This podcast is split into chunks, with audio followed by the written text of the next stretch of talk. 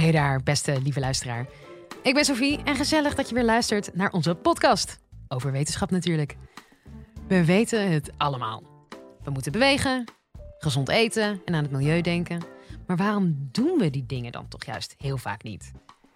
Gelukkig zijn er subtiele manieren waarop je mensen een duwtje in de juiste richting kunt geven. In deze podcast vertelt hoogleraar economie Esther Mirjam Sent van de Radboud Universiteit over nudging.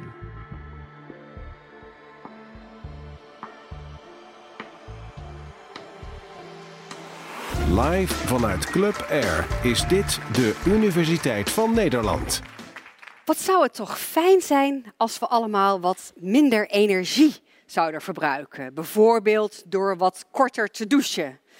Wie van jullie denkt, nou, dat uh, doe ik al heel vaak, korter douchen, want dat is goed voor het milieu. Uh, we hebben vaak hele goede voornemens om energie te besparen, maar van die goede voornemens komt niet altijd veel terecht. Wat doet de overheid dan? De overheid probeert ons een duwtje te geven zodat we het wel gaan doen. Dat kan een financieel duwtje zijn, bijvoorbeeld met subsidies. Ik ben net verhuisd en ik kwam in aanmerking voor heel erg veel energiebesparende subsidies. Voor woningisolatie, gevelsanering, drinkwaterinstallatie, zonnecollectoren. Uh, nou, geweldig hoe de overheid probeert om mij financieel te subsidiëren en daarmee uh, de, het klimaat uh, een beetje te verbeteren. In het Verenigd Koninkrijk deden ze dat ook uh, vonden ze dat de huizen wat beter geïsoleerd moesten worden. Met name de daken zouden beter geïsoleerd moeten worden. En uh, nou, dat was een uh, flink bedrag dat daarvoor beschikbaar was. er was alleen één probleem. Zo zien de zolders van de meeste mensen eruit. Die heb je nog niet zo gauw schoon om je dak geïsoleerd te krijgen. Vandaar dat ook bijna niemand van die subsidies gebruik maakte. Wat bedachten ze in het Verenigd Koninkrijk? We gaan niet dakisolatie subsidiëren. We gaan opruimploegen op straat sturen om de zolders op te ruimen. En zo werd er veel meer gebruik gemaakt van de mogelijkheid om daken te isoleren. Hoe kwamen die Britten daar nou bij? Nou, die hadden een zogenaamde nudge unit van David Cameron. Uh, en die gaven mensen een duwtje. Want wat is nudging? Nudging is mensen een duwtje geven zodat ze het goede gedrag vertonen. Je hebt nog steeds keuzevrijheid. Als je zolder is opgeruimd, kun je het nog steeds niet doen, je dak isoleren. Maar het is wel wat makkelijker voor je gemaakt om je dak te isoleren. En je was je misschien ook niet helemaal bewust ervan dat het opruimen het probleem was. Hoe doe je dat dan, nudging? Nou, dat kun je doen met die opruimploegen. Je kunt het ook doen door standaard opties aan te bieden. Zo heb ik met een student op de Radboud Universiteit dit experiment gedaan. In onze kantine hadden wij appels en kroketjes. En die hadden wij zo staan en je kon ook biologische appels en kroketjes consumeren. Nou, wat deden de meeste studenten? Die gingen lekker voor de gewone appel en voor de gewone kroket. Een week later hebben wij het herhaald. We hadden nu biologische appels en kroketten en niet biologische appels en kroketten. En wat gebeurde er? De meeste mensen dachten: hey, ik neem lekker die biologische appel, want die andere is niet biologisch. Dus biologisch zal wel de standaard zijn. Alleen bij de kroketten bleven ze toch de niet-biologische kroketten consumeren. Want ze dachten, nou, als ik toch ongezond bezig ben, dan maar heel erg ongezond. Dus daar werkte de nudge de goede kant op niet. En hoe werkt die nudge dan? Je kiest wat de standaard is. De standaard is gewoon, of de standaard is in één keer biologisch. Kun je ook met wat bekers doen. Ik had een beetje dorst uh, voordat ik hier uh, college kwam geven. En uh, ik kwam in een koffiebar en ik kon een small, een medium of een large nemen. Wat doe ik dan? dan kies ik de medium. Kom ik nou morgen in een andere koffiebar en staat er in één keer een extra large en is deze small verdwenen? Ja, dan denk ik toch dat ik maar de large ga nemen. En ik ben niet uitzonderlijk, de meesten kiezen toch wat we denken dat de standaard is. En dat is de middelste. Een andere manier waarop we ons gedrag kunnen beïnvloeden is door de manier waarop we opties presenteren. De Economist heeft daar een mooi experiment mee gedaan. Je kon een abonnement krijgen digitaal, 59 dollar. En je kon een abonnement krijgen digitaal plus in papier, 125 dollar. Wat kozen de meeste mensen? De meeste mensen kozen het digitale abonnement. Goedkoper. Waarom zou je het nog papier lezen als je tegenwoordig alles digitaal doet? Maar vervolgens werd er een optie aan toegevoegd. De digitale kostte nog steeds 59. Dat was wat voorheen de meeste mensen kozen. De digitale met papier kostte nog steeds 125 als voorheen. Maar nu kun je ook voor 125 de papieren versie kiezen. En wat deden nu in één keer de meeste mensen? Die kozen digitaal plus papier. Terwijl het eigenlijk niks verandert. Die twee keuzes had je voorheen ook. Maar voorheen dacht je, nou, ik kies voor digitaal lekker goedkoop. En nu denk je, ik kies voor digitaal plus papier, want dat is lekker goedkoop. Maar de prijzen heb ik niet veranderd. Je kunt ook iets doen aan de toonzetting. Je kunt eerst het duurste product aanbieden en daarna heel snel een goedkoper product. Dan denk je bij dat goedkopere product, nou, dat valt eigenlijk best mee. Als je referentie een mega dure televisie is, dan is een reguliere televisie, nou, dat eh, is helemaal niet zo eh, kostbaar. Het is best te betalen in één keer. Je kunt ook een spelelement inbrengen om mensen een duwtje te geven. Dat doe ik met mijn kinderen. Als het bedtijd is, zeg ik wie het eerste boven is.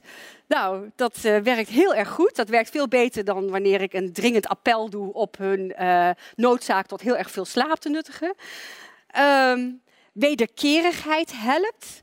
Als je iets gratis krijgt, dan denk je ja, daar moet ik toch iets voor terug doen. We kunnen de fysieke omgeving aanpassen. Uh, als er groene voetstappen in de richting van een prullenbak gaan, dan blijkt de hoeveelheid zwerfafval met 46% te dalen. Herentoiletten op Schiphol, die waren nogal smerig. En de schoonmaakploegen konden er maar moeilijk tegen aanpoetsen. Wat is er toen gebeurd? Ik zie al een aantal heren lachen, die hebben het misschien al wel eens meegemaakt. Ik heb er alleen maar van horen zeggen natuurlijk, ik heb dat nooit gezien. Maar wat is er gebeurd? Er is een klein vliegje gemonteerd in het urinoir. Uh, en dan mikken de heren toch net iets beter. En zo'n vliegje, zo'n stickertje, kost maar 1 euro. Uh, dus het is ook nog eens een keer een hele goedkope oplossing om te zorgen dat de toiletten wat minder smerig zijn. Je kunt ook uh, gebruik maken van het feit dat we ons laten beïnvloeden door anderen rondom ons. Uh, als je wil als hotel dat je gasten minder vaak hun handdoeken gebruiken, kun je er een kaartje neerhangen zou u alstublieft uw handdoek nog een keertje willen gebruiken, want dat is zo goed voor het milieu. Nou, wie van jullie gaat dan nog een keer de handdoek gebruiken? Het hotel, in plaats van dat kaartje, vriendelijk verzoek, eh, wilt u het nog een keertje gebruiken, goed voor het milieu, zeggen ze. De persoon voor u vond het milieu zo belangrijk dat hij de handdoek wel vijf keer heeft gebruikt. En gemiddeld gebruiken gasten in dit hotel de handdoek ook vijf keer. Wie gaat er dan de handdoek nog een keer gebruiken? Jee, kijk, we zijn heel erg beïnvloedbaar. We zijn heel erg gevoelig voor onze sociale omgeving. Ook als je huishoudens een briefje in de bus doet en je zegt, uw energieverbruik is boven gemiddeld. En je zet er ook nog eens een keer een sip smiley bij. Dan gaan mensen op korte termijn 8% minder energie gebruiken en op lange termijn 6% minder energie een aantal voorwaarden. Je moet dan wel energieverbruik belangrijk vinden en uh, het milieu belangrijk vinden. Uh, de sippe smiley moet erbij staan. En je moet het natuurlijk niet sturen naar mensen die minder dan gemiddeld energie gebruiken, want die gaan dan misschien wel meer energie gebruiken. En dat is niet helemaal de bedoeling. Op vergelijkbare wijze kunnen we ook genudged worden om korter te douchen, wat toch niet heel erg gebruikelijk is, zoals ik aan het begin heb gemerkt. Waarom werken die sociale normen nou zo sterk? Die werken zo sterk omdat ons brein een fout signaal geeft als we iets doen wat afwijkt van wat anderen doen. Dus uh, en dat is eigenlijk vergelijkbaar met een fout signaal dat je krijgt als je per ongeluk het verkeerde knopje in de lift induwt. Of als je per ongeluk iemand de verkeerde naam geeft, of de verkeerde naam uitspreekt voor iemand. Dan krijg je een fout signaal. Maar ook als je niet conformeert aan een sociale norm, krijg je een fout signaal in je hersenen. Daarom ben je zo gevoelig voor sociale druk. Je bent niet altijd gevoelig voor sociale druk. Als je niet kunt identificeren met anderen, werkt het helemaal niet zo sterk. Of als die norm je helemaal niks kan schelen. Je denkt, ja, kan mij wat dat iedereen vijf minuten doucht. Ik vind het zo heerlijk. En ik heb het echt wel nodig. En mijn haren, ja, voordat ik daar eens een keertje klaar mee ben. Nou, dan ben je daar niet gevoelig voor. Soms werkt een nudge ook averechts. Zeggen we, roken is ongezond. Dan denken de jonge lui, en ik hoop niet jullie hier. Nou, roken is lekker stoer. Of zeggen we, nou, deze mayonaise is light, uh, dat is uh, gezond voor u. Dan denken we, nou, dan uh, kunnen we nog wel wat extra schepjes mayonaise op onze friet doen. Um, nudging heeft zo zijn voordelen.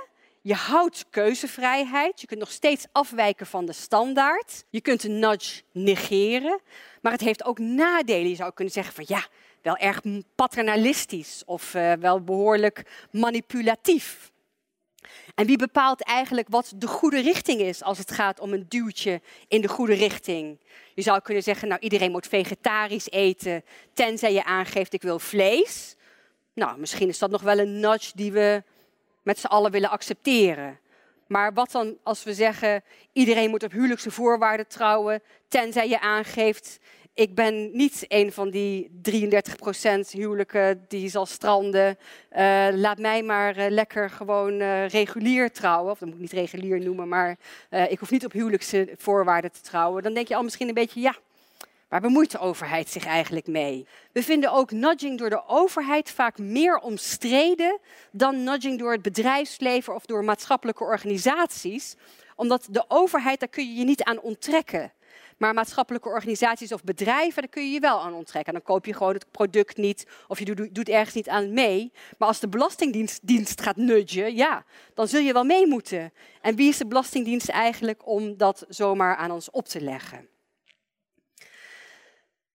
Er zijn ook alternatieven. Je zou uh, mensen kunnen proberen te belonen, maar we hebben gezien met de dakisolatie dat werkt helemaal niet. Je zou kunnen, mensen kunnen laten straffen mooi experiment met de kinderopvang in Israël toont dat het averechts kan werken. Want daar haalden de ouders de kinderen vaak te laat op. En werd er vervolgens een straf opgelegd, een boete opgelegd. En wat dachten die ouders toen? Nou, dat is dus eigenlijk gewoon afkoopbaar dat ik mijn kind later ophaal. Dus meer ouders haalden hun kind later op toen er een straf werd opgelegd, toen er een boete kwam op je kind later ophalen van het kinderdagverblijf. Soms helpen financiële prikkels wel. Zo blijken rokers gelukkiger te worden van hogere accijnzen. Dat heeft te maken met het feit dat ze zo weinig wilskracht hebben. En, oh, dan ben ik wel heel erg uh, generaliserend. In het algemeen wil je wel stoppen, maar je denkt, lukt maar niet. Hogere accijnzen blijken dan te helpen, worden rokers gelukkiger van. Maar heel vaak werken financiële prikkels niet. En dan zijn nudges een heel fijn alternatief. Economen hebben heel veel tijd gestoken in financiële prikkels. De overheid is heel erg druk met financiële prikkels. Maar als we inzien dat we niet cool en calculerend zijn, dat we ons laten leiden door emoties en angsten, dat we heel erg beïnvloedbaar zijn op kleine, onderbewuste manieren, dan is er ruimte om ons gedrag een duwtje te geven in de goede richting met behulp van nudges en zo ervoor te zorgen. En zo kom ik weer terug bij de vraag die ik aan het begin van het college heb gesteld. Hoe kunnen we zorgen dat mensen hun troep een beetje opruimen? Hoe kunnen we zorgen dat ze korter douchen? Met een duwtje in de goede richting is het veel effectiever dan met een financiële prikkel. Wat is het toch lekker, hè? Gewoon lekker bijleren met een podcast in je oor. Elke week zetten we twee nieuwe afleveringen online. Volgende keer een college over wat wetenschap nou eigenlijk is. Ik ben Sophie. Graag tot dan.